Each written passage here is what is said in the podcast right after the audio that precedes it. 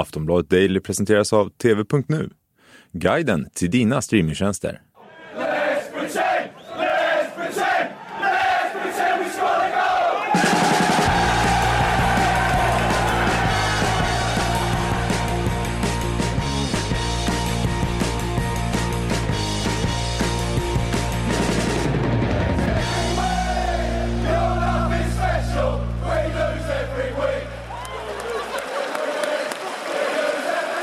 Hej och varmt välkomna till Premier League-podden. Eh, Patrik Syk är inte här som ni kanske hör, så att det är jag, Makoto, som sitter och eh, rattar det här programmet idag istället. Men eh, däremot så har vi ju i övrigt samma line-up som vanligt. Eh, Frida på länk till att börja med från eh, London. Hur är läget? Det är bara fint eh, med mig. Absolut. Har du hunnit smälta Ljungbergs första seger från igår? Ändå var på plats där också på London Stadium. Nej, det är, det är knappt faktiskt. Det, det var så himla kallt också så jag, det, det tog lång tid att tina upp kan jag säga. Kallt kan vi säga att det här också varit snö här under natten så att det var ju kaos i kollektivtrafik och allt möjligt på vägen. Gick det bra för dig att ta dig in hit, Kalle? Ja, eh, förvånansvärt smidigt faktiskt. Jag hade räknat med kaos för det var väldigt mycket folk. Eh, man fick så trängas lite, men det löpte på bra faktiskt. Däremot blev jag oerhört förvånad när jag gick in i poddrummet här Frida och såg att min plats var upptagen av vår, eh, vår rookie-programledare här. Eh, så att jag sitter här helt offside på Patrik Syks stol. Det känns inte alls eh, tryggt, men vi får se hur det går. Men jag, är ju, jag är ju van vid Sillypodden annars, då sitter jag ju alltid på den här sidan med liksom gäster på andra. Men eh, jag hör att det är andra bullar som gäller i Premier League i alla Vi ska fall. nog lösa det. Ja, förhoppningsvis. Vi får se hur illa det här kommer påverka resten av programmet. Eh, men vi kan väl börja med det som är närmast i hand. Så jag har redan varit inne lite kort på det här. Fredrik Ljungberg och Arsenal alltså. Oerhört viktig trepoängare får man ändå säga efter att ha gjort tre mål inom loppet av mindre än tio minuter i andra halvlek och vänt borta mot West Ham. Tankar kring den matchen? Ja, var ska man börja egentligen? Man kanske ska börja med eh, startelvan. Ehm, man får ju ändå ge Ljungberg att han, eh, han försöker hitta sin elva, om man säger så. Ehm, exempelvis har ingen mittback överlevt hans tre första matcher, utan där har han ändrat friskt. Eh, och nu satsade han på Sokratis och Callum Chambers. Ehm, ytterbackarna Eh, li, lika så. Men eh, å andra sidan så fick han ju byta Bejerin där precis innan avspark på grund av skada. Så att eh, det var väl klart att det, det, ja, alltså att det bidrog också till, till just det och att Kolasinac till slut fick komma in trots att han var utanför truppen. Men det berodde ju på att Tierney också skadades under matchen. Eh, I övrigt så eh, satsade han på Nicolas Pepe, eh, som säkert många fans var väldigt glada för. Man ville se mer av honom. Joe Willock som var katastrofal mot Brighton och blev utbytt i halvtid, var inte ens med i truppen.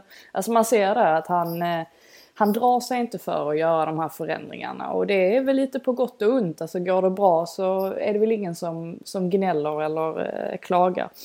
Och trots att Arsenal gör en absolut fruktansvärd första halvlek får man ändå säga. Alltså det är så otroligt låg energi. Det, är, det finns knappt någon vilja överhuvudtaget hos spelarna. Och West Ham som ändå är, de är ju knappast några invincibles liksom. Men, men de såg ut som ett bra fotbollslag eh, helt plötsligt. Bara och en den sån enda som, Ja men precis. Och den enda som försökte var väl egentligen Pepe som ja, men gjorde sina snabba, snabba vändningar vid, vid några tillfällen och försökte driva upp tempot lite. Men i övrigt så var det... eh, Ja, det var ingen rolig fotbollsmatch heller att Det var beskåda. fruktansvärt dålig Nej, det, var, det var ingen bra underhållning första 45 i alla fall. Där, Det var ju två ångestlag som spelade. Det syntes Ja men precis. Och sen får de ju ändå den här segern i slutändan. Och det är ju för att de, de spelar ju bättre i, i andra halvlek där mot slutet. Jag menar West Ham hade ju fortfarande kunnat utöka till 2-0. Alltså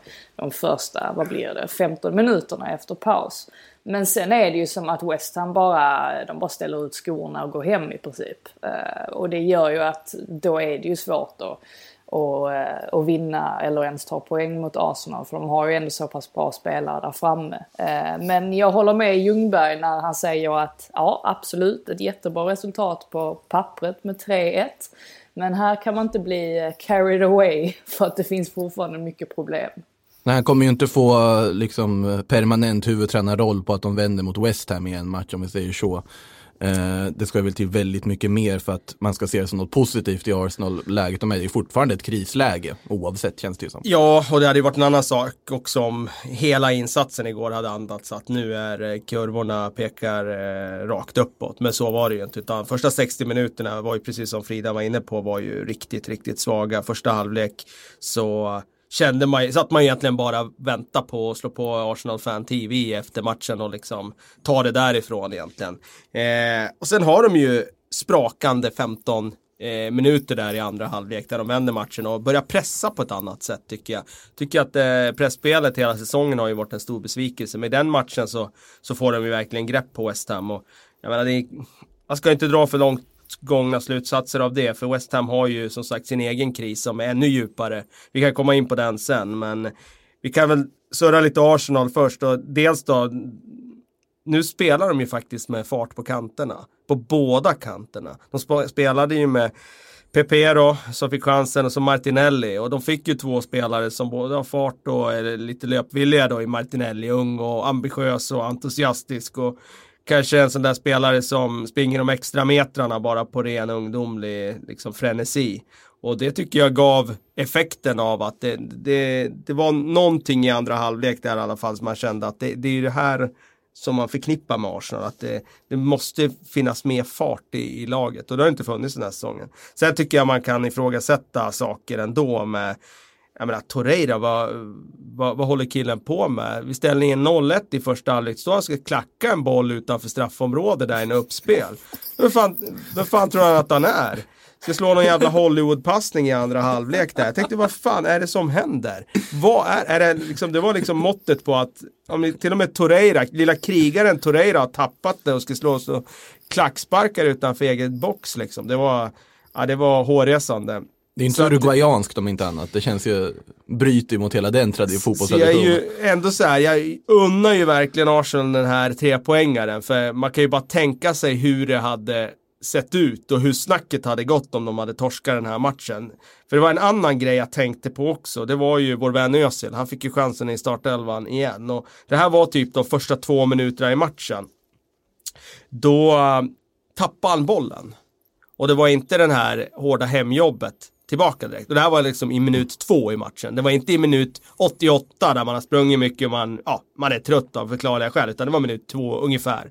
Där någonstans. Och det var det här uppgivna, liksom tappa bollen. Det här kroppsspråket som är liksom att, nej, det är inte, det är inte påkopplat 100%. Det är inte brinna för uppgiften till 110%. Och det, det, det sprider ju en känsla av att eh, där och då så, så så var det verkligen uppförsbacke. Men eh, nu fick de den där kvarten när de vände den här matchen och man är glad för Pepe också som får vrida in ett riktigt fint mål. Det behövde ju han om inte annat. Ja, alltså om man tittar i halvtid så var det också Alltså på Twitter och så vidare, hånen mot Pepe och så vidare, att han ändå vänder och fixar det här och är så pass bidragande till de här tre poängen är ju otroligt viktigt för honom och otroligt skönt för Arsenal i sig med tanke på det där man har investerat i den spelaren. Angående Özil tänker jag att han ser väl ganska loj ut oavsett situation egentligen som spelare. Så där finns det nog mer liksom vilja än vad det syns väldigt absolut. ofta Nej, på en sån det. spelare. Absolut, Nej, men det håller jag med om. Så är det ju. Man kan missta ibland på honom så. Men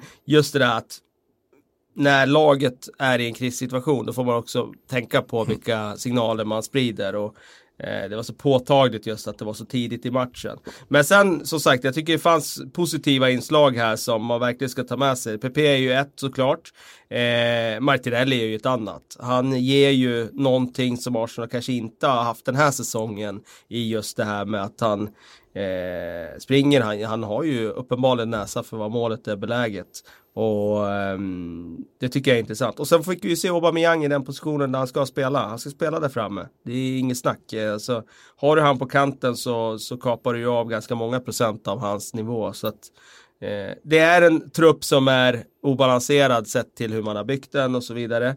Och det har sina utmaningar. Jag menar, kolla bara på Emery som laborerar med 118 olika uppställningar och varianter. Och Ljungberg har ju gjort samma sak, så Frida sa, liksom, det var ju helt annat lag nu. Och det kanske är eh, det här som är det han kommer satsa på närmsta matcherna nu fram till jul i alla fall. Mm. Eh, om vi tittar på West Ham då vet vi ju inte hur mycket Pellegrini vid rodret där kommer få satsa mer. Eh, det har ju pratats om att han kan vara sitta löst där på den där stolen hos The Hammers och eh, vi måste ju ändå ställa frågan, är han nästa tränare till rakning på något sätt i eh, den här lilla sparkningskarusellen som vi haft under hösten? Alltså han är ju, han är ju alltid eh, ganska så eh, vad ska man säga, där finns inte mycket livsglädje i honom när han gör intervjuer eller sitter på presskonferenser. Men i, igår var det nästan, alltså, då kändes det som att måttet verkligen var rågat. Han svarade otroligt kort på alla frågor och var liksom han såg mest, eh, eh, ja men inte ens förbannad eller ledsen ut utan bara uppgiven. Eh, men jag förstår honom också för att det här var ju en sån match som om West Ham inte vinner det här, alltså vad, vad, ska de då vinna? Visst, de hade den tunga segern mot Chelsea för några veckor sedan.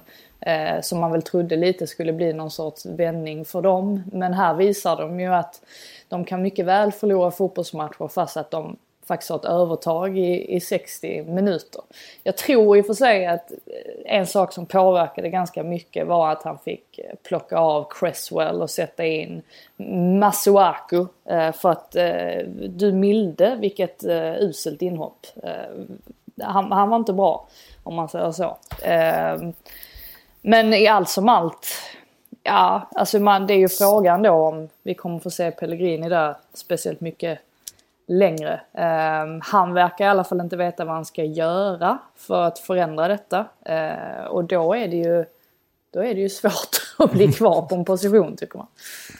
Det blir ju nästan lite motsatt effekt här nu mot han och mot Pochettino då som inte fick något förtroendekapital alls trots att han har byggt upp väldigt mycket. I Pellegrinis fall så har det ju egentligen inte varit så superbra resultat kanske men han har ju väldigt stark ställning hos svenskaran. Fick ju det i fjol när han räddade upp skeppet efter en väldigt, väldigt svag start då. Och eh, de har ju såklart den där känslan av att de har fått en premiumtränare som har varit i stora klubbar som Real Madrid till West Ham.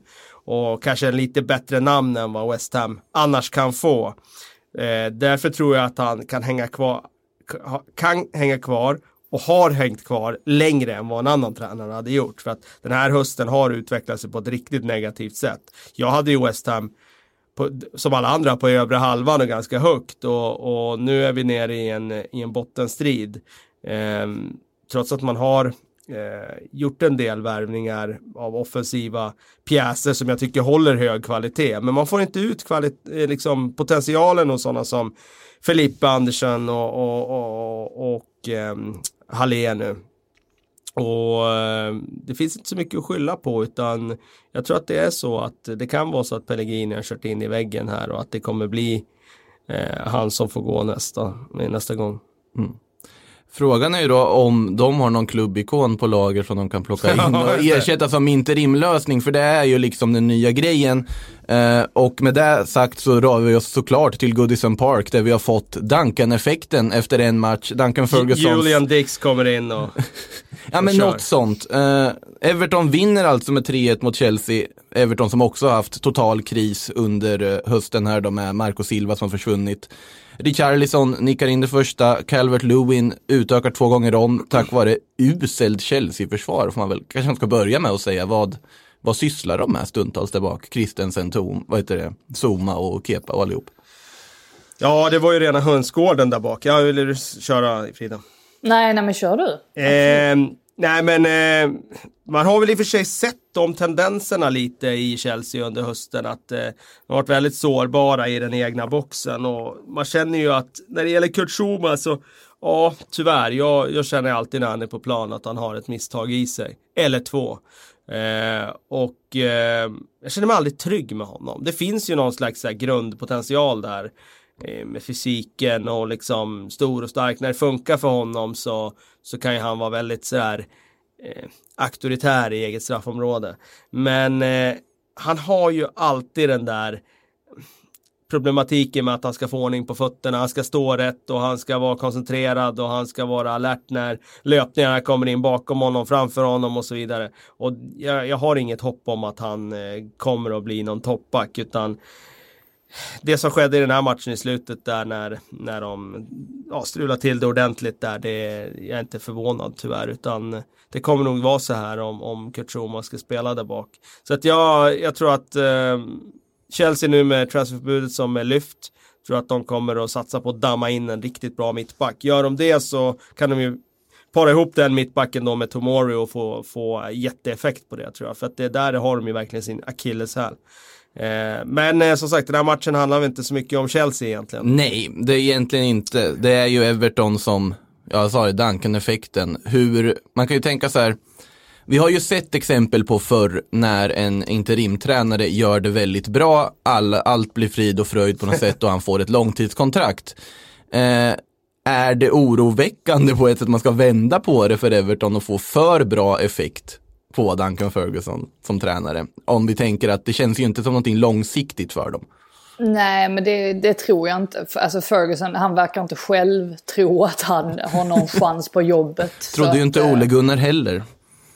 Ja, fast jag tror inte att han hoppades. Ja, kanske. Ja. Du, eh, det, det, tror jag faktiskt att han ja. trodde. Han hade ju det där snacket med Moldes eh, chef när han tog jobbet och Moldes eh, klubbchef sa ju där att eh, ta det där och kom inte tillbaka. Jag tror att han, jag tror att Solskjaer när han tog jobbet så var det inställt på att jag ska stanna här. Det är mitt mål.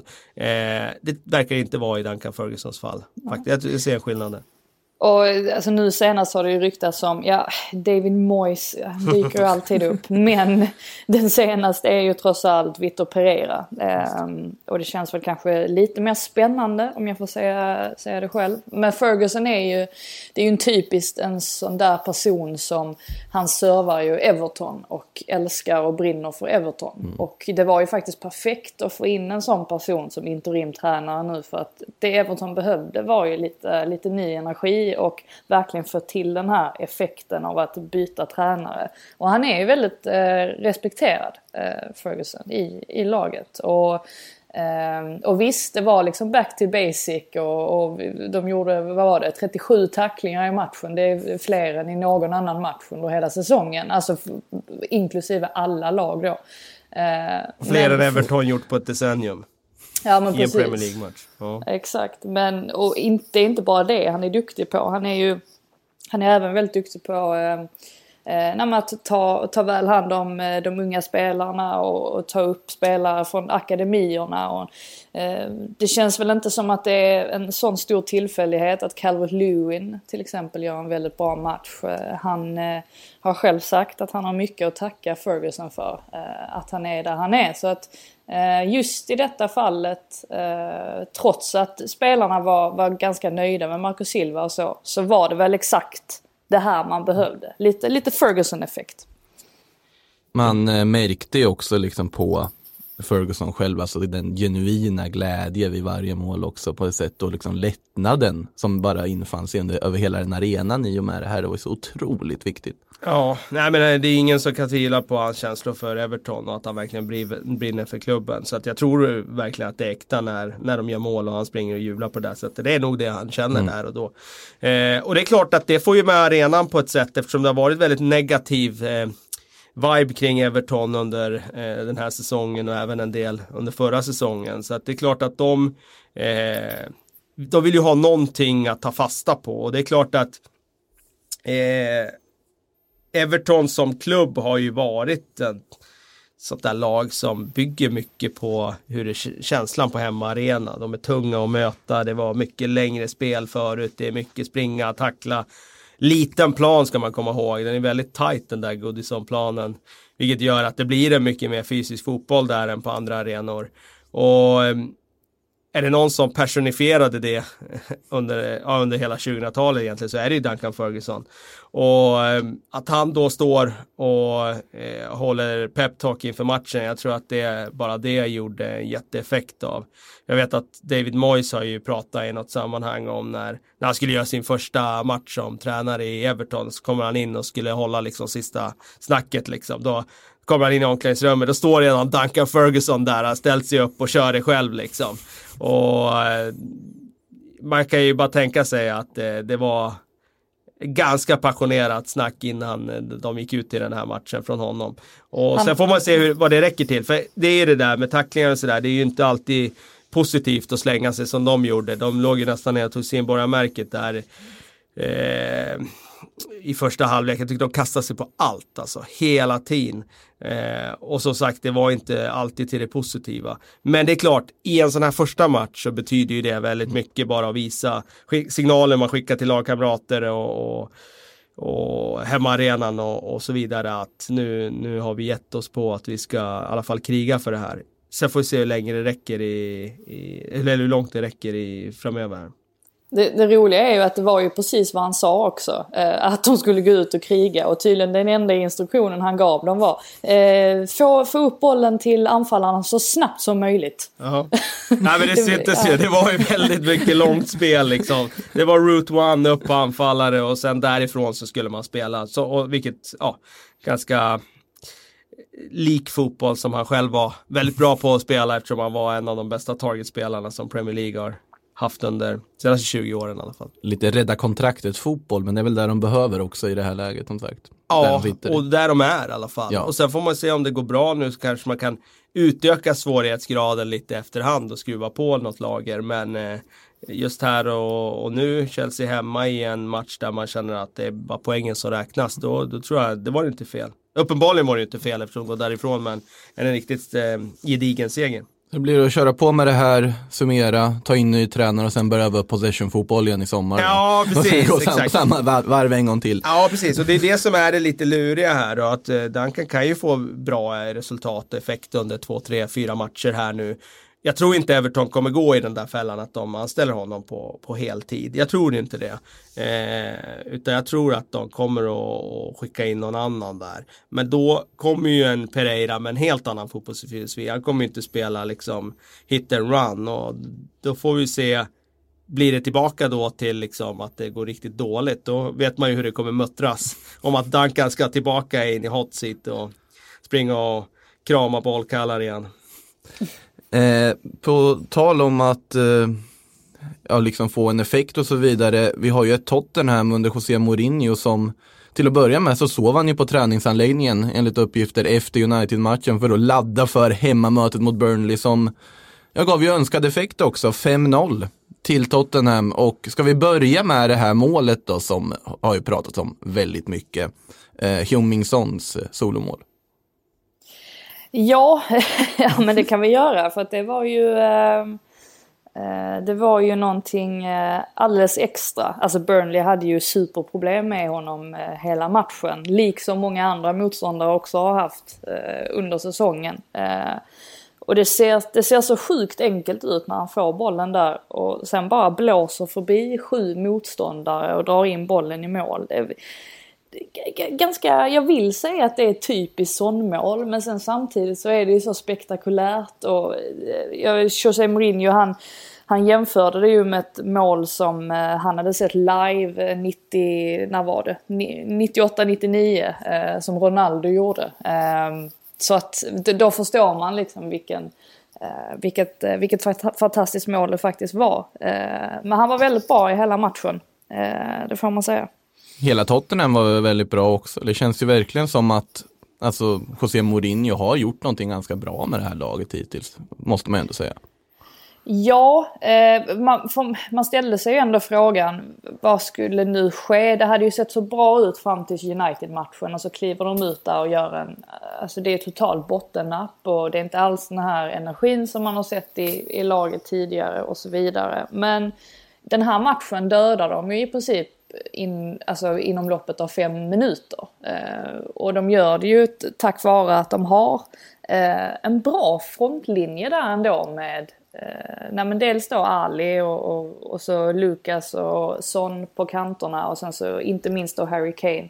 Som var betydligt bättre i den här matchen ska sägas än, än mm. mot United. Då var han ju väldigt, eh, väldigt osynlig. Nu fungerar det väldigt mycket bättre och eh, särskilt då samarbetet med Ali där Kane drar sig ut ur straffområdet och sen så kliver Ali upp högre och så vidare. Um, så ja, de, de, de straffar Burnley väldigt tidigt och då blir det ju svårt för dem när de ligger under med 2-0 och försöka komma in i matchen igen. Det fanns ett ögonblick där Ali blir alldeles för egoistisk och egentligen bör spela bollen till, eh, eh, till Son till höger. Det, det, kan ha varit så att Ali ändå hade varit offside så att målet hade blivit bortdömt. Men precis efter där så har ju Burnley en eh, ja, nick i ribban eller vad det är eh, och visst hade det blivit en reducering där till 2-1 då är det ju möjligt att det hade kanske blivit lite mer nerv i matchen. Men nu blir det inte så eh, för att Tottenham eh, Ja men vad ska man säga, en perfekt match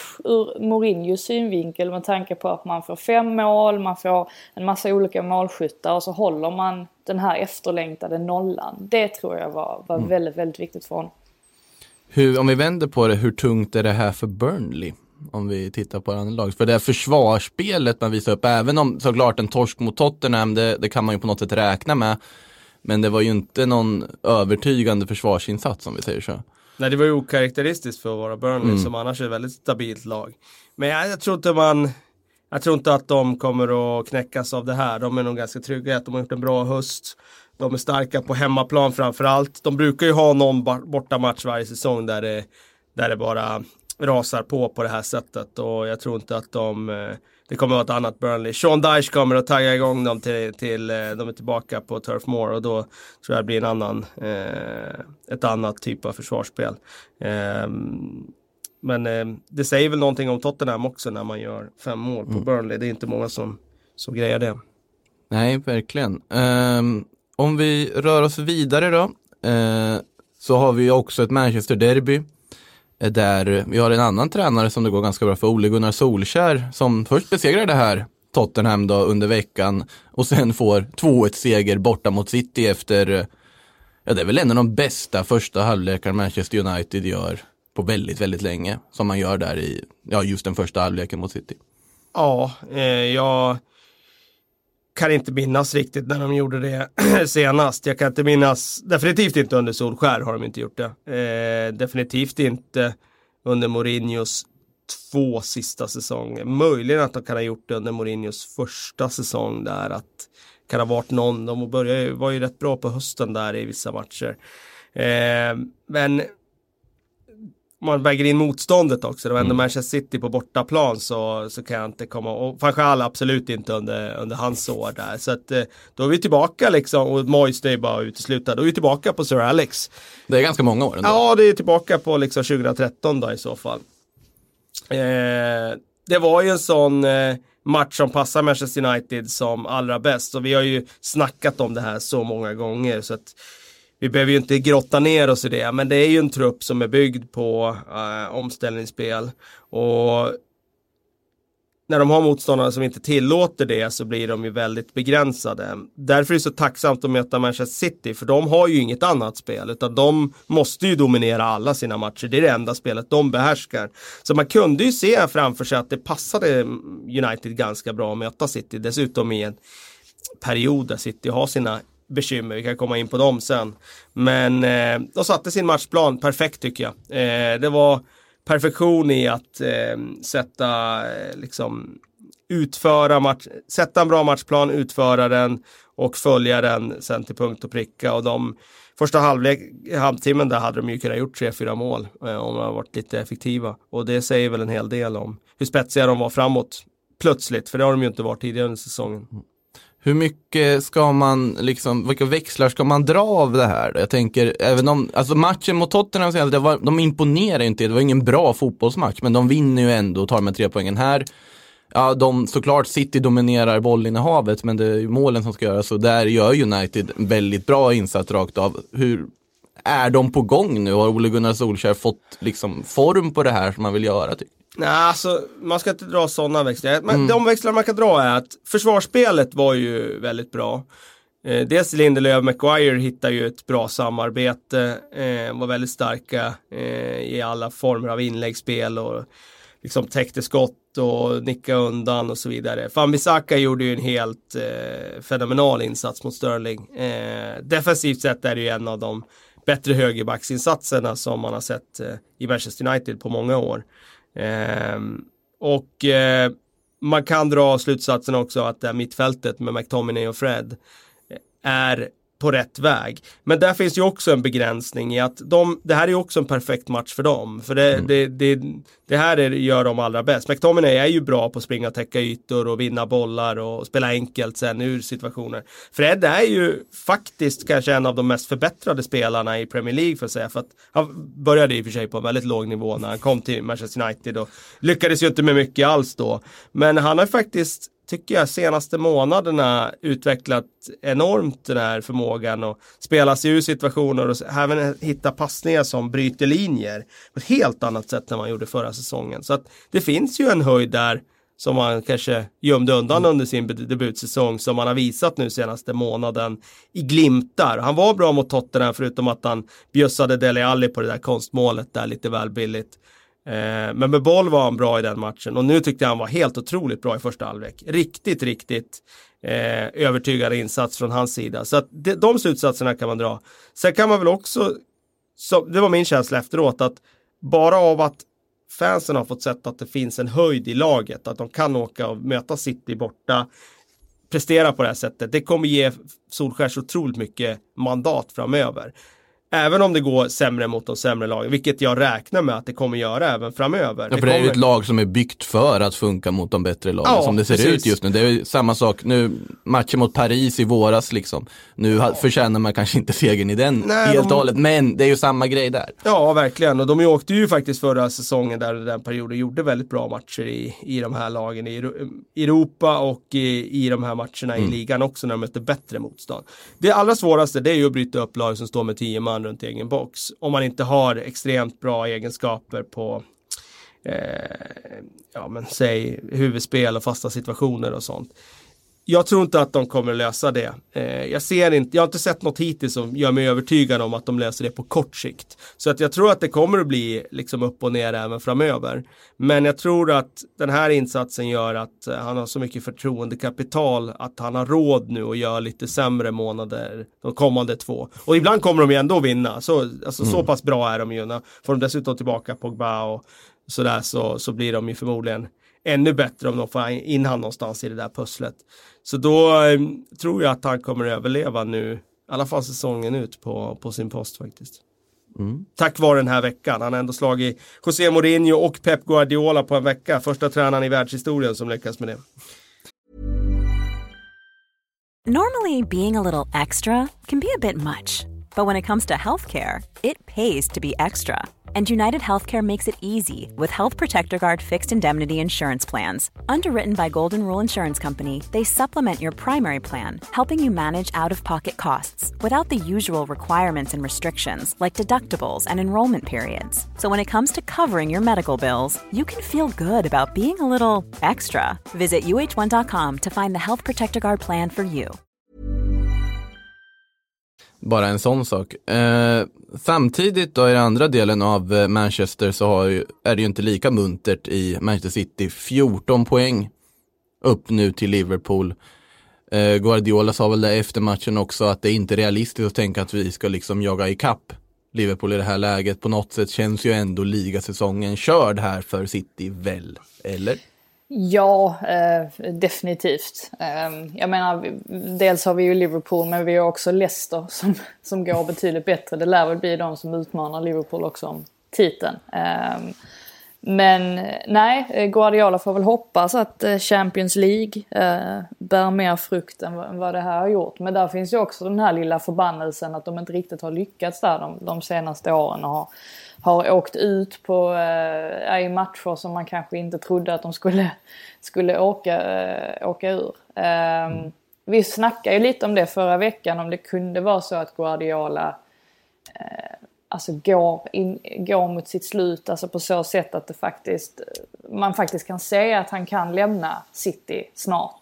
Ähm, Och jag, jag, jag känner mig ganska övertygad att han gör det efter säsongen ändå. Ja, jag, jag står väl fortfarande fast vid också att ehm, det ska nog till någonting alldeles extra för att han ska bli kvar. Hans familj flyttade ju tillbaka till Spanien i september. Eh, och även om det kan finnas hundra anledningar till det så eh, brukar ju sånt indikera ändå att då kommer man inte bli långvarig på en, på en plats. Och Guardiola har ju varit väldigt länge i Manchester nu och brukar ju vilja röra på sig så småningom. Ehm, det beror väl lite på kanske vad det finns för andra projekt i görningen. Han tog ju trots allt, eller accepterade ju Cityjobbet innan han hade försvunnit från Bayern München. Eh, Så att eh, de får kanske se upp nu om han börjar diskutera med, med någon annan klubb. Eh, Jag satt och funderade lite på var, var hade han passat härnäst? Spanien blir ju lite svårt, alltså ska han ta över Barcelona igen? Han kan ju inte gå till Real Madrid tycker man. Alltså jag, jag ser ju Juventus. Ja, det ser jag. Det, alltså sett till vad de sysslar med Ja. nu. Det såg man redan egentligen i somras också med den väg som Juve vill gå nu. Att bryta mot sin gamla tradition och liksom börja spela lite mer underhållande fotboll som det heter. Så. Och han har inte varit i Tog- Italien.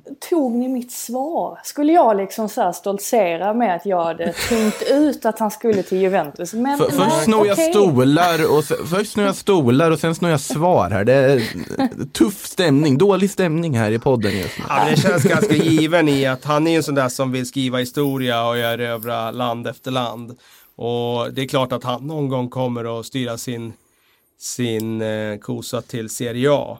Och eh, vilken klubb är där? Ja, det blir inte Inter som går som tåget just nu i alla fall. Utan det känns ju då i så fall som ett lite vilset Juventus under Sarri som eh, just nu egentligen varken spelar bra fotboll eller vinner matcher. Och det är ju inte accepterat i Turin. Så att eh, jag tror att eh, fortsätter det här så kommer ju Sarri ryka efter säsongen. Då får ju bara han ett år där.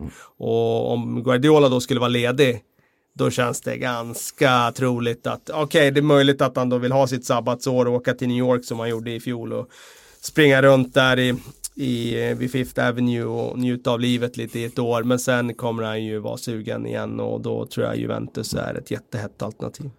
Det är ju frågan där då också huruvida Juventus tänker att man ändå vill gå tillbaka till en mer Juventusaktig tränare efter att ha Precis, misslyckats men med kan man, Sarri. få, Men kan man få Guardiola då kanske man kan acceptera det, alltså i Juventus. att Okej, ska vi göra det här projektet då kanske det är med Guardiola vi ska göra det, med, inte med Sarri. Det är kanske så man tänker då. man vill ju se Guardiola ha sitt liksom peptalk efter en match med Cristiano Ronaldo.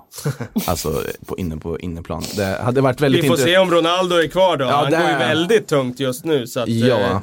Eh, det kan nog hända mycket där. Det är nog många som skulle säga att han inte skulle platsa i Liverpool idag. Ja, det skulle jag inte så. Det Eh, skulle jag inte Och det är ju inte, Liverpool behöver ju inte ändra särskilt mycket med tanke på hur bra de går. Eh, 3-0 borta mot Bournemouth, det var väl ingen snack om saken riktigt. Eh, Naby Keita kommer in med ett mål och en assist bland annat. Man lyckas vila Sadio Mané. Mohamed Salah får göra mål och poäng också. Eh, ja, vad finns det att säga om Liverpool förutom att de gör precis där de fortsätter liksom göra? Ja, de gör precis ut och vad de vill. Eh, nej men de har ju en sån där säsong när liksom allt bara flyter på, allt man gör eh, bara blir rätt och nu börjar de kratta här för sin tuffa december genom att rotera laget och de roterar ju inte lite utan det är ju väldigt många spelare in och ut i varje match. Och det spelar ingen roll vem som spelar. Laget är så välfungerande, de som kommer in kommer till en miljö där alla spelar med självförtroende och kan bära dem som kommer in och kanske har varit lite rostiga för att de inte har spelat på ett tag. Det spelar ingen roll, de går rakt in och levererar. Naby Keita var ju en att få i hela truppen som man kanske känner att man, Liverpool hade kunnat fått ut mer av sett den senaste ettårsperioden. Nu kommer han in här och liksom är matchavgörande. Det understryker ju bara den där känslan av att just nu så kan vi ta in någon spelare från division 5 nordvästra Skåne och han skulle liksom också klara av att i alla fall utföra sin roll i, i Liverpool just nu och det, det säger mycket om eh, vad tränarna såklart har lyckats med men också vad spelarna har skapat tillsammans där. Oerhört imponerande måste man säga, men frågan är, kan, alltså, kan något lag stoppa dem i år? Är det, Nej. är det, det är.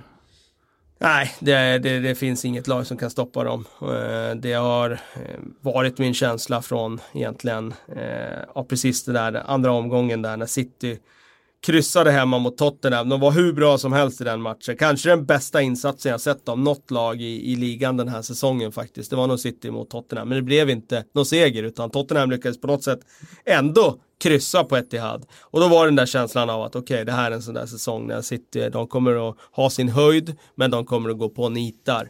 För det skulle, borde egentligen, de spelat den matchen tusen gånger så har de vunnit den 999 av de tusen gångerna. Men det här var liksom den gången man inte vann och det, då fick jag känslan att det här är Liverpools år. Och, nej, ingenting kan stoppa dem, absolut ingenting. Det har ju målats upp som att det här december skulle bli så tufft och det är så mycket matcher och sådär. Kolla hur de har städat av match efter match mm. med sina truppspelare som har gått in och liksom inte bara klarat av att spela, de har kommit in och gjort skillnad. Origi, Keita, eh, Ox. Ox.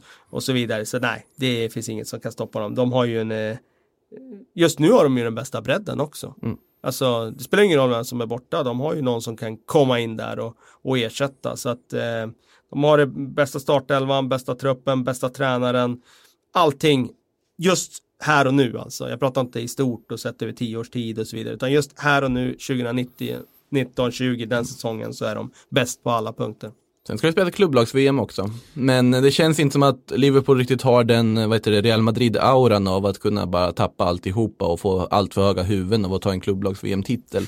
De har ju det i klubbhistoriken har de ju det, alltså med att det sitter mer i väggarna på Anfield liksom. De har inte vunnit ligan på 30 år och det är mm. klart att där finns ju, och de med, med historia med Gerard som snubblar och så vidare 2014 där där finns det ju någonting. Men jag tror att mentaliteten är så stark i det här laget nu så att de kommer bara att borsta bort det eh, och eh, klara av att hantera det här. De tappar ju i fjol där till City. Men det var en annan känsla då. Helt annan känsla. I år känns de alldeles för stabila. Eh, så att eh, det, det är avgjort. Och Leicester går ju som tåget nu. Men, och visst, de gjorde ett mirakel där när de vann ligan. Men ska de klara av att rubba det här Liverpool, då ska de, nu har de åtta raka segrar Leicester. De skulle behöva bygga på det med åtta nya raka segrar över den tuffa julperioden för att liksom kunna vara med i racet och det, det är svårt att se att de gör. Men det här känns som en bra brygga till just Leicester med tanke på att du nämner 2015 här ändå. För det är ju så att enligt statistik här som faktiskt eh, Patrik Syk skickade till mig här innan och tyckte man skulle dra upp så har ju Leicester faktiskt nu efter 16 omgångar tre poäng mer än vad de hade 2015 när de tog hem den där osannolika titeln. Eh, nu var väl i och för sig skillnaden då att då var det ju inte så mycket konkurrens. För vi har Arsenal som kom tvåa, slutade på 71 poäng eller något sånt ja. där tar jag för mig. Till och med att Arsenal slutade tvåa, bara en sån sak. Alltså det, så det känns ju inte som att även om de skulle ta mer poäng än vad de gjorde 2015 i slutändan, vilket jag inte heller tror kommer vara fallet, så kommer det ju inte räcka mot Liverpool känns det som. Nej, vi är uppe på sådana nivåer nu när City och Liverpool har ju höjt ribban för, för Premier League. Mm. De har ju gjort det till en sån där känsla som det var i La Liga förut där det är två lag som kan vinna titeln och sen får man inte göra ett snedsteg hemma mot mm. Eh, Almeria för då, då har man inte chans att vinna titeln utan man måste gå rent liksom i den typen av matcher och där där tycker jag att Premier League har ju förändrats i grunden av de två senaste säsongerna mm. när liksom Liverpool City har höjt den där ribban. Så att eh, nej, det, det, det, spelar ingen roll om Leicester slår sitt poängrekord. Det kommer inte, det enkom kommer inte räcka långt. Mm. Vi kan ju ändå imponeras av Leicester dock. Eh, 4-1 borta mot Aston Villa här. Eh, Vardy har eh, fortsatt fest eh, och är uppe i 16 mål nu. Alltså på 16 matcher. Det... Ja, det är fenomenalt alltså. Det är så häftigt också att han är inte ung längre. Alltså, alltså han är 33 år nu. Han slog ju igenom... Är 33? Ja, han slog ju igenom så... Eh, Sent. Han är 87 Han är 32, fyller 33 i 11 januari. Han är tidigt född alltså? Ja, så snart då 33, om en månad. Eh, han slog igenom så pass sent. Så det är klart att han har ju inte 15 proffssäsonger bakom sig som har slitit på kroppen och sådär. Så han kanske är fotbollsmässigt mycket yngre än vad det står i passet. Men det är ändå imponerande att du har en 33-åring som anfallare som springer uppvriden som en Duracell-kanin och, springer liksom oavbrutet maxlöpningar i match efter match efter match. Eh, och som dessutom eh, liksom gör mål på det sättet som han gör mål nu i match efter match. Han har ju utvecklats i boxspel nu enormt.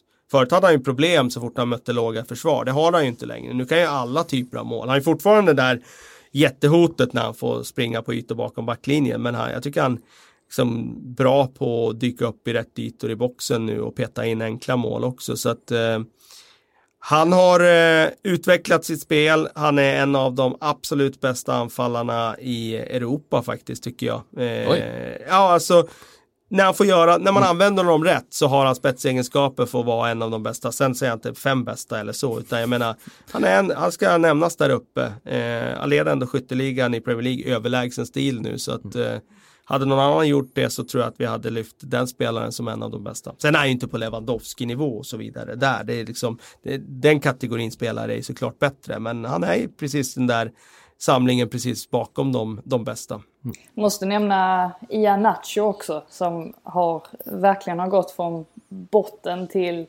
toppen är ju fruktansvärt formstark och gör ju också mål här för fjärde matchen i rad och spelar fram till Vardys mål. Alltså det är ju precis en sån grej Leicester också behöver. Man kan inte bara förlita sig på, på Vardy alltid. Ehm, så att eh, det är mycket som går rätt för, för Leicester just nu. Jag tänkte på Vardy där också. Det har ju börjat pratas om, jag fick lite Zlatan-vibbar när det började pratas om att eh, eh, man skulle göra en sorts kampanj för att få med Vardy till EM nästa år. Han, han la ju av i landslaget efter VM 2018 och det var väl det var väl dels, han, han sa själv att det berodde på att han ville släppa fram de unga spelarna. Men eh, jag tror också det var för att han fick ju inte speciellt stor plats i, i Southgates lag. Eh, det finns ju några spelare som är före om man säger så, bland annat Harry Kane då.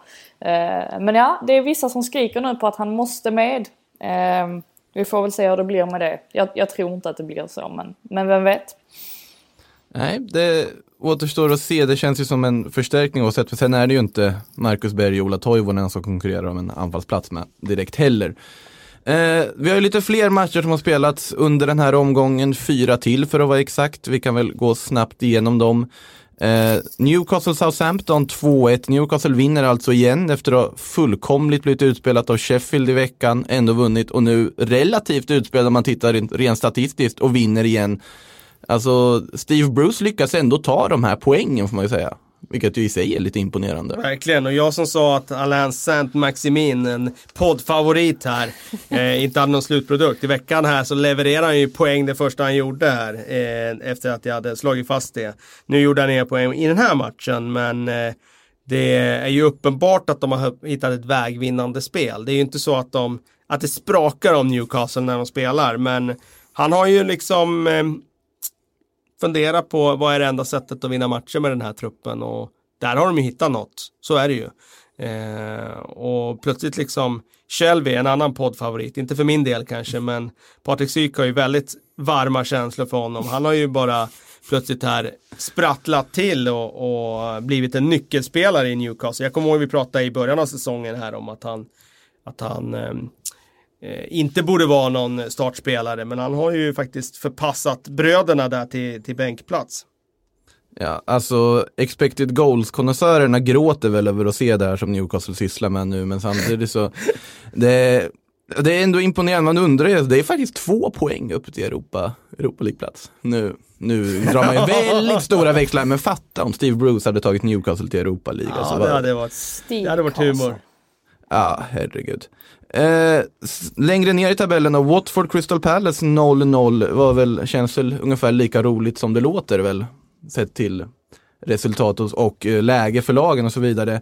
Norwich hemma mot Sheffield United 1-2, Sheffield-seger där. Och Brighton med Graham Potter kryssar 2-2 hemma mot Wolves. Har vi något att säga om de tre matcherna förutom resultaten så att säga? Vi Nej, kanske ska... Ja. ja, förlåt, jag körde. kör uh, vi tänkte bara nämna där med Watford. Får man kanske mm. uh, att de har ännu en ny tränare. ja just det, det har de ju. uh, och att den, den, den, denna gången uh, inte är ett spanskt eller italienskt namn. Vilket är chockerande. Uh, Nigel Pearson ska ha uh, charmat ledningen så pass mycket, eller Posse så pass mycket på tränarintervjun att han tilldelades jobbet. Och det känns ju lite spännande då att det är någonting helt annorlunda eh, jämfört med, ja, eller vad vi har sett på väldigt, väldigt länge i den klubben i alla fall. Just det. Det känns ju oerhört otippat ändå att Pozzo plockar in en Nigel Pearson faktiskt. Ja, och det är ju också intressant att de utländska ägarna har liksom landat i att man eh, i krissituationer då ska man ha en no nonsense Nigel Pearson som ska stå där och skrika eh, eller liksom på något sätt eh, långbollspela sig eh, till ett kontrakt. Så att eh, det var inte det man såg framför sig. Han får Craig Shakespeare som assistent såg jag här också. Så att det är tillbaka till den duon där som jobbade tillsammans i, i Leicester och faktiskt räddade dem då på våren, då innan den där magiska säsongen med ett, eh, en rejäl uppryckning då på våren eh, som eh, räddade kontraktet. Eh, måste ju skönt ändå att eh, Craig Shakespeare är tillbaks. Måste jag säga, det är ju ändå, det namnet är, det är tungt. Det, det, det finns mycket historia bakom det namnet om vi säger så. Eh, ska vi ta lite läsarfrågor kanske? Kör! Se. Eh, det finns ju en fråga här från Patrik Syk i princip i och med att han har svarat i tråden här har sett till att jag kommer ta med. Jag Alltså, vet inte om han, ni har han sett kan det. inte hålla sig borta. Alltså, Nej. Han, han bara lägger sig i hela avsnittet. Ja, ja. Han bara styr liksom bakom kulisserna här Alltså bara. Ande svävar ju här. I, Lä- Lägger sitt namn på datorn som vi spelar in fast den inte är här. Ja, i alla fall. Johan Persson vill i alla fall att vi faktiskt nu innan vi går in i ett nytt decennium tar ut decenniets bästa Premier League-elva. Och eh, vi kan väl läsa upp elva här. Han har De Gea, Ivanovic, Kompany, van Dijk, Kolarov, Salah, Kanté, De Bruyne, Hazard, Suarez, Agüero. Eh, det känns ju som att, jag vet inte, har ni Ja, det är två idé? spelare jag vill ha in. Jag vill ha in Leighton Baines på vänsterback istället för Mm. Kolarov. Jag vill ha in David Silva. Jag vet att mittfältet blir väldigt, väldigt offensivt balanserat där. Om vi ska in David Silva bredvid Kevin De Bruyne. Eller eh, så. Men jag, jag, jag gör det ändå. David Silva, om man tittar på det här decenniet så har han ju definitivt varit en av Premier Leagues Mm. bästa spelare. Och man får ju, visst, höjden kanske var högre hos än Golo Kanté under en säsong när han blev vald till Premier Leagues bästa spelare. Men Silva år efter år, han kom ju till City 2011 om inte jag minns fel. Han har alltså varit där under hela det här decenniet och svingat sitt trollspö. Jag kan inte se honom utanför en, eh, en eh, decenniets elva. Det skulle vara en skymf för mig. Ja, han är självskriven kan jag tycka. Vad säger du Frida? Nej, så länge Sergio Agüero är med så, så är jag nöjd. Känner jag. Det känns ju också som ett självskrivet namn. Jag kan tänka mig slänga ner Yahya Touré på det här mittfältet också. Kanske. Eh, lite för ojämnt för min smak, men det är klart att han, då måste du plocka bort De Bruyne då. Eh, för Silva Det är väl där plocka- det blir lite hugget Ja, stucket. Kanté och Silva känns ju solklara. Men Silva kom 2010 till och med, 2010, säsongen 2010-2011. Så att han har varit med hela det här Mm. decenniet. Och, eh, eh, så att han kan jag inte plocka bort. Och sen är det ju där högerback, Ivanovic eller Kyle Walker. Eh, Där får man ju fundera lite grann då. Eh, Ja. Men Ivanovic, jag köper det. Jag köper det. för balansen om man ska spela alla fina liksom, tekniska mittfältare kan det vara bättre med Ivanovic kanske. Eh, Johan Lindström ber oss först att diskutera Bermuda-triangeln, Zuma, Kepa, Christensen, men det gjorde vi ju redan. Eh, Ja, Där- det är ganska enkelt. Vi kan Konstatera att den inte funkar. Zooma out, punkt. Eh, Koulibaly in. K- Christensen out, punkt. Och sen tror jag att eh, in med en riktigt bra mittback och Tomori och sen har Ja, du vi får ju komma ihåg, eh, Betydligt bättre. Alltså vi får, får ju komma ihåg, Rydiger finns ju fortfarande. Ehm, och jag kan väl säga att Rydiger och Tomori kommer bilda mittbackspar. Uh, när det går. Eh, det, det känns som det mest givna. Christensen har inte riktigt, han har inte kommit upp i den där nivån som han hade i sig när Conte var i, i klubben. Ehm, så att jag, jag litar inte riktigt på honom heller. Så att Ry- Rydiger och Tomori. Sen kan vi ta Lindströms andra fråga när vi ändå är igång här. Nu när Patrik Syk inte är med, lägger han till och med till. Carroll med inlägg till Shelby måste väl vara intränad som ett överraskningsmoment. Ja, det var verkligen old fashion goal där. Eh, och Carroll som svingar inlägg, det är inte så ofta man ser det. Bara en sån sak. Det var ett fint inlägg, det var en jättefin nick. Och ja, ja, ja, jag tror inte vi får se det så ofta. Är Carroll på plan så kommer det nog vara han som är där i boxen och nickar. Eh, signaturen Forsberg undrar vad Kalle ser för sorts spelidé när han kollar på Mourinhos Tottenham. Eh, ja men vi var väl inne på det lite tidigare här någon gång att eh, det är ju en eh, spelidé som inte är unik på något sätt utan jag tycker nästan alla lag på alla nivåer använder det där just nu. Man Eh, ställer egentligen fem spelare väldigt högt och använder hela planens bredd. Och sen kan det variera vilka spelare man använder brett men det kan vara ytterbackar, det kan vara yttrar. Eh, och sen eh, försöker man bygga upp på två eller tre spelare. I Tottenhams fall har det varit tre spelare. Eller två spelare har det varit i Tottenhams fall. Två, tre, fem spelare. Om det var. Eh, Eh, jag minns inte exakt nu, eller spelar de 3, 2, 5. Det är alltid de där två olika varianterna som lag använder nu för tiden. Så att eh, jag tycker att han har byggt mer framifrån än vad han har gjort tidigare. Eh, eller så ska jag inte säga. Han byggde framifrån när han tog över Chelsea den andra sessionen. Då var de ju väldigt offensiva, men sen var det som att han ville visa för omvärlden att kolla, när vi spelar offensivt då kommer vi inte få resultat, så nu går jag tillbaka till min fotboll. Och sen bara vred han åt alla reglage och sen började han vinna matcher på det sättet och, och erövrade i titeln sen också.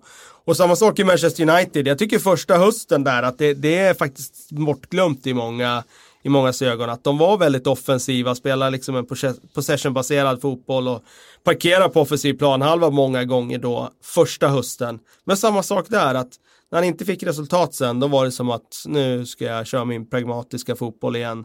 Och då liksom kvävde han mer och mer av kreativiteten och så landar de i att det blir den här, ja, vad ska jag säga, mm, lite syrefattiga fotbollen.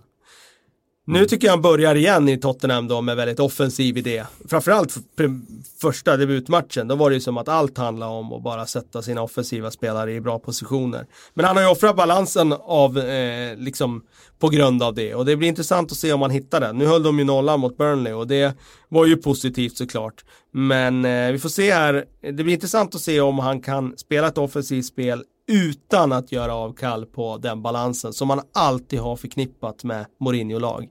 Mm. Eh, för det tycker jag inte att eh, Tottenham har visat under de första tre, fyra matcherna där de snittar på två baklängesmål. Det blir intressant. Eh, om vi ändå är inne på Tottenham, Johannes Rosvall frågar, är inte Son underskattad?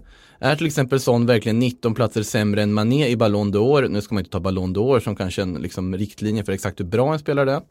Men eh, än så länge i ligan har Mané 13 poäng, Son 12 poäng och det är ett dysfunktionellt Spurs. Vad tycker ni, är Heung-Min Son en underskattad fotbollsspelare? Ja, alltså till viss del så har han väl kanske varit det. Men å andra sidan så har han ju, alltså rent formmässigt så har han ju varit extremt bra, alltså nu de senaste månaderna. Och då tycker jag att folk har uppmärksammat det. Och Mourinho hade eller jag skrev alltså efter matchen att jag var överraskad över att eh, liksom Son eh, verkar utvecklas till en av Mourinhos absolut största favoriter. Och det baserar jag ju på vad Mourinho brukar ha för sorts eh, spelarfavoriter. Eh, men han hade ett, ett, intressant resonemang på presskonferensen efteråt om just detta att eh, han hade lite på känn att, att Son ändå skulle vara oerhört enkel att arbeta med, vilket han är. Eh, och Mourinho kopplade det till att Son eh, till Sons kultur. Eh, och berättade att han hade träffat hans eh, föräldrar nyligen och förstod liksom vad den här disciplinen och eh, var den kom ifrån. Eh, och sa liksom att, att Son är, han kallar ju, hans son kallar ju honom för Sonaldo. Eh, det visar väl lite också alltså hur högt Mourinho håller honom. Eh, så att, eh, jag tycker det är intressant, eh, intressant att se eh, hans utveckling nu under Mourinho. Eh, och jag tror att fortsätter han på, det, på den här inslagna vägen så kommer han eh, alltså få ännu mer uppmärksamhet än vad han redan får, definitivt. Och särskilt om han fortsätter göra den typen av spektakulära mål också. Mm. Eh, om vi tittar på andra spelare som fått uppmärksamhet, kanske inte lika mycket som eh, Son. Men eh, blir Todd Cantwell och Teemu Pukki kvar i Norwich efter nedflyttningen? Ja, Albin här redan konstaterat att Norwich åker ur. Eller blir det större klubbar som plockar upp dem? Jag vet inte om, har han skrivit något, till, något på Instagram där Frida om sina planer? Nej, men han är nog eh, het på marknaden tror jag. Eh, definitivt med tanke på att han eh, man är ändå med i ungdomslag, engelska ungdomslandslag ja. och, och sådär. Alltså det, det slår ju ändå ganska högt. Så jag tror definitivt Absolut. att någon kommer att plocka upp honom. Ja. Eh, ska vi se här, Anton Johansson frågar, får Rashford för lite cred? när Salah och Sterling hade den där statistiken kändes det som att de hyllades tio gånger om. Om man jämför med Rashford. Nu Solskjaer var väl ute och jämförde dem med Cristiano Ronaldo och höll på. Det känns för lite att gå för långt Ja, eller? men alltså, jag tror det handlar mycket om det här med alla de här spelarna vi nämner nu.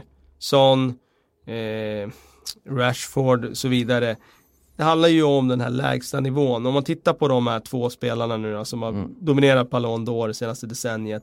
Så har ju de haft en helt of, ofattbar förmåga att varje vecka gå ut och prestera och leverera och inte nöja sig med att göra en halvdan insats oavsett om det, vilket lag det är man möter och när det är tungt för laget så bär man laget. När laget leder så slår man inte av på takten utan då vill man ännu mer mål och ännu mer poäng.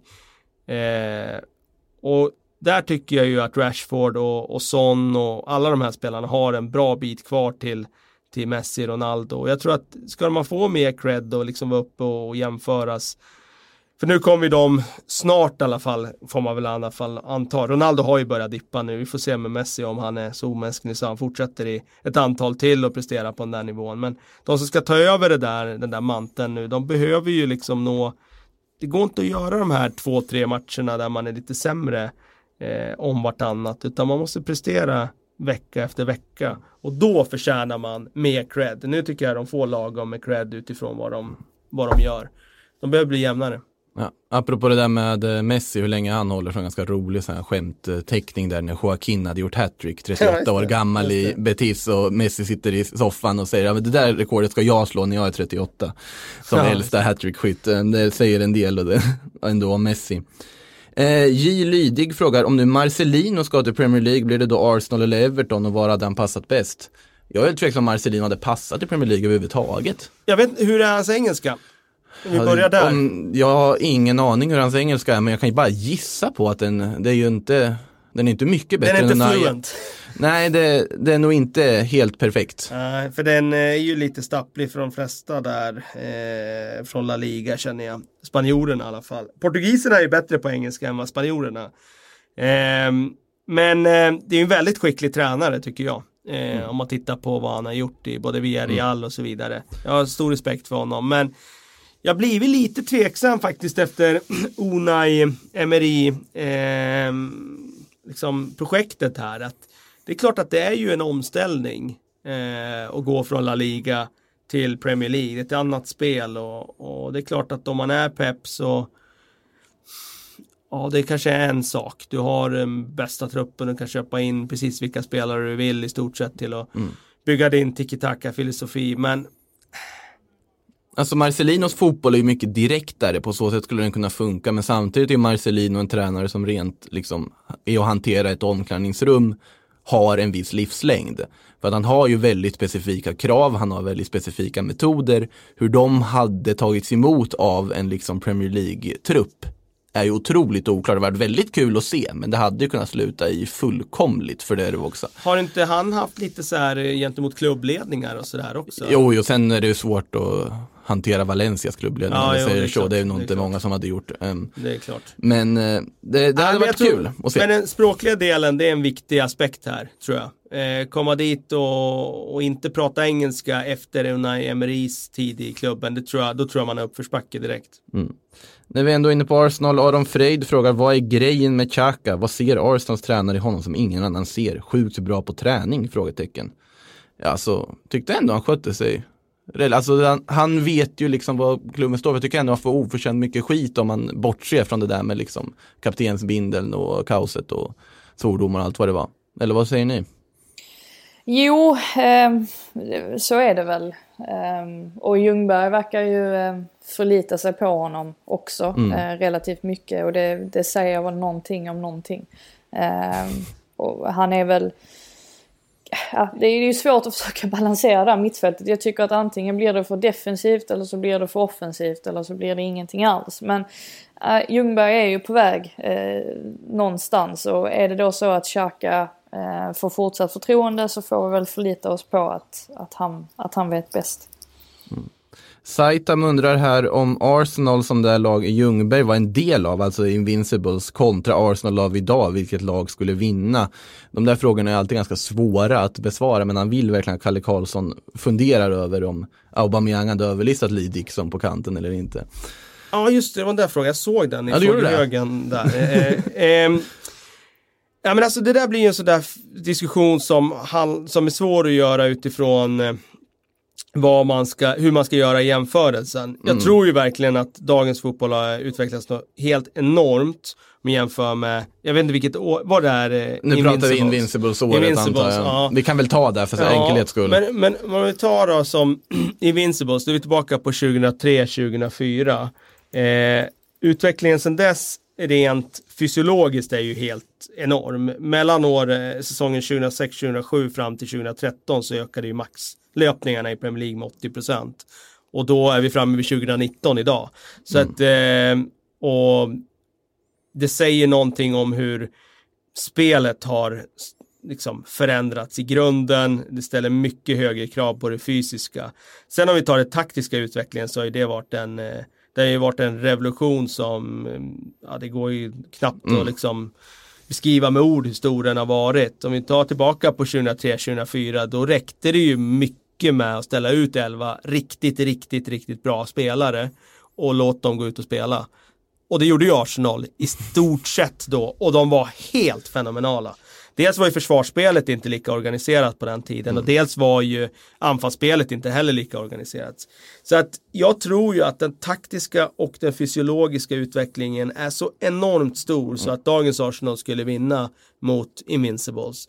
Däremot om, om man liksom hade ställt ut George Grahams backlinje från eh, liksom eh, början av 90-talet liksom. Då hade ju de kunnat stått i eget straffområde och bara nickat undan bollar. Det, det, det tror jag ju. Men eh, jag tror att eh, utvecklingen har varit så enorm så att den taktiska utvecklingen hade gjort att eh, man tar upp positioner på planen idag som, som inte var uppfunna riktigt 2003-2004. Om man tittar på de korridorerna och sådär som används idag. Så att jag tror att de hade eh, vunnit mot Invincibles faktiskt. Mm. Jag är benägen att hålla med om den analysen. Eh, nu ska vi se, nu går vi över till din frågetråd, för nu har vi lagt Ja, ut två frågetrådar. just det. det. tyckte jag var trevligt. Eh, Oliver Nilsson frågar i alla fall, hur ska Ole göra med Pogba? Så som United har spelat som lag senaste två matcherna, kan det lagarbete påverkas med en Pogba på plan till det negativa? Man Ja, tackar även för det. ett bra program. Tack själv för att du lyssnar. Jag tror faktiskt det. Jag tror att det kan påverka till det negativa. Eh, framförallt om man kommer direkt från en sån här insats mot City. Så att skulle han vara tillbaka i nästa match då, då borde han få börja på bänken. Jag kan inte se något annat. För det ser inte anledning till att bygga om mittfältet heller för att anpassa för honom. Just här och nu. Eh, Däremot om man ska möta ett lag som, jag vet inte vilka de har i nästa match, det ska jag reservera mig för här. Men eh, ska de möta ett lag som parkerar bussen och står med tio man på egen planhalva, ja, då kanske man ska lyfta ut Lingard då, eh, som var väldigt bra mot City i omställningsspelet och plocka in Pogba i en offensiv roll. Eh, men är det liksom det här kontringsspelet man ska spela, då tror jag att det, det, det här är sättet som United är som allra vassast på. Mm. David Axelsson säger Leicester flyger men spelar spelschemat in sedan förlusten mot Liverpool och man mött Burnley, Southampton, Palace, Arsenal, Brighton, Everton, Watford, Villa.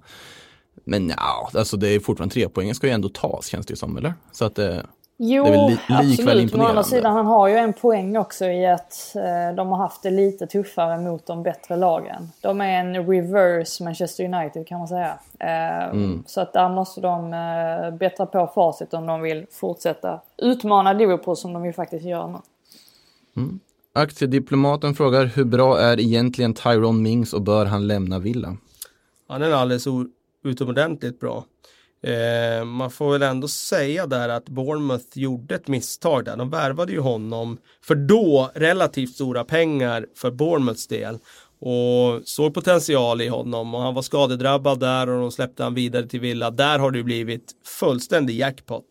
Eh, jag tycker att han är riktigt, riktigt bra. Han eh, har definitivt anledning att kunna drömma om en flytt till jag sätter ingen gräns eftersom de här klubbarna här uppe på övre halvan har ju så problem på mittback. Ta Arsenal till exempel. Det är ju självklart att en Mings med en vänsterfot, stark egen box skulle kunna vara intressant för Arsenal. Ehm, så jag, jag tror att han efter den här säsongen har alla möjligheter att få en flytt till, ehm, till definitivt till, till övre halvan, men kanske till och med upp på, på högre upp än så. Mm. Eh, när vi ändå är inne på Arsenal-backlinjer. Oskar frågar, skulle David Luiz kunna vara ett alternativ på mittfältet tillsammans med Torreira mot City? Jag hörde inte ens eh, frågan, det var lite brusigt. Ah, David Luiz eh, alternativ bredvid Torreira. Alltså jag, för min del, jag vill ha in Guendouzi. Eh, även om de vann den här matchen nu och Xhaka mm. Torreira spelar och så vidare. Jag vill ha in Guendouzi. Jag tycker att han har en, en höjd i sitt spel och sen ja, det kommer säkert med lite eh, barnsjukdomar som man får slipa bort. Men han har slipat bort väldigt mycket av det sen han gjorde de första stapplande stegen under Unai Emery när man nästan tyckte synd om, om honom där i början av förra säsongen till att bli en mittfältare som faktiskt kan dominera stormatcher. Så att jag, jag, jag tycker inte man behöver upp med Louise utan in med Guendouzi istället i så fall. Du svarar på Jakob Nyléns fråga för han säger ju där att eh, Ljungberg verkar inte lika övertygad av Guendouzi som Emery var och vilken roll kommer han spela i laget den närmaste tiden. Men enligt dig så ska han in med andra ord då. Alltså jag tror det är mycket politik och liksom truppdynamik och allt det där. Jag vet inte om, eh, om Ljungberg eh, liksom, jag kan inte se att eh, Xhaka har egenskaper som, eh, som ska hålla Guendouzi utanför. Men det är klart, det kan ju vara någon slags grej med någon balans eller någonting som han vill ha in där. Och jag ser det inte riktigt. Jag tycker att Guendouzi är så mycket bättre än vad Xhaka är när han är på sin topp. Och jag tror att man får fram den om, han, om han väl får spela. Men eh, Eh, det är uppenbart att Ljungberg har resonerat annorlunda. Sen om det beror på att Xhaka nyligen hade lagkaptensbindeln och att det är svårt, svårare att sätta mm. han på bänken. Det var det jag menar. Det blir mycket, liksom, det, det är en, en truppdynamik och en politik som ska hanteras på den där nivån också. Jag tror att det är enklare att ha Guendouzi på bänken när Ljungberg kommer in än att ha Xhaka på bänken. För då kommer det alltid ställas frågor om det. Xhaka på bänken, han var kapten nyss, du har satt han i frysboxen och så vidare.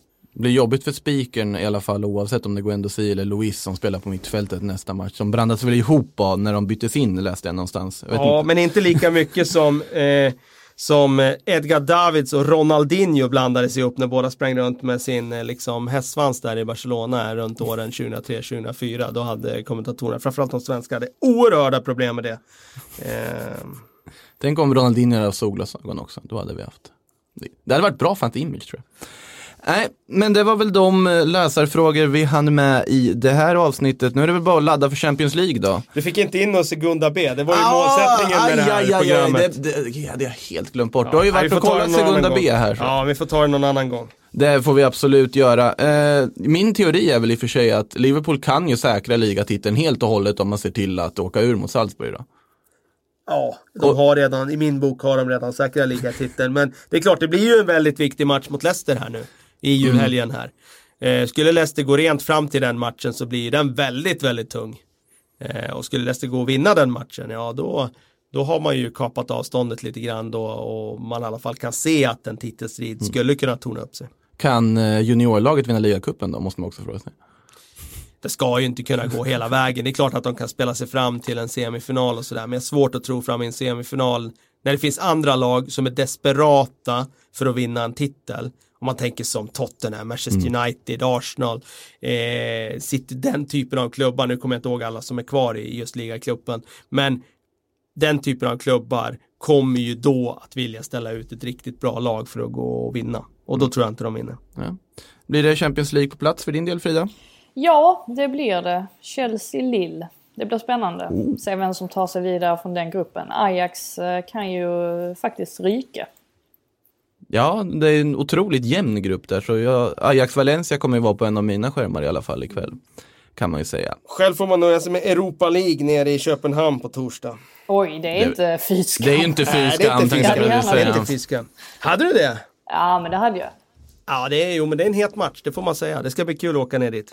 Ja. Fotboll väntar alltså nu i veckan och mer fotboll senare i helgen och Premier League-podden den återvänder väl nästa vecka. Fram till dess, ha det bra, hej då!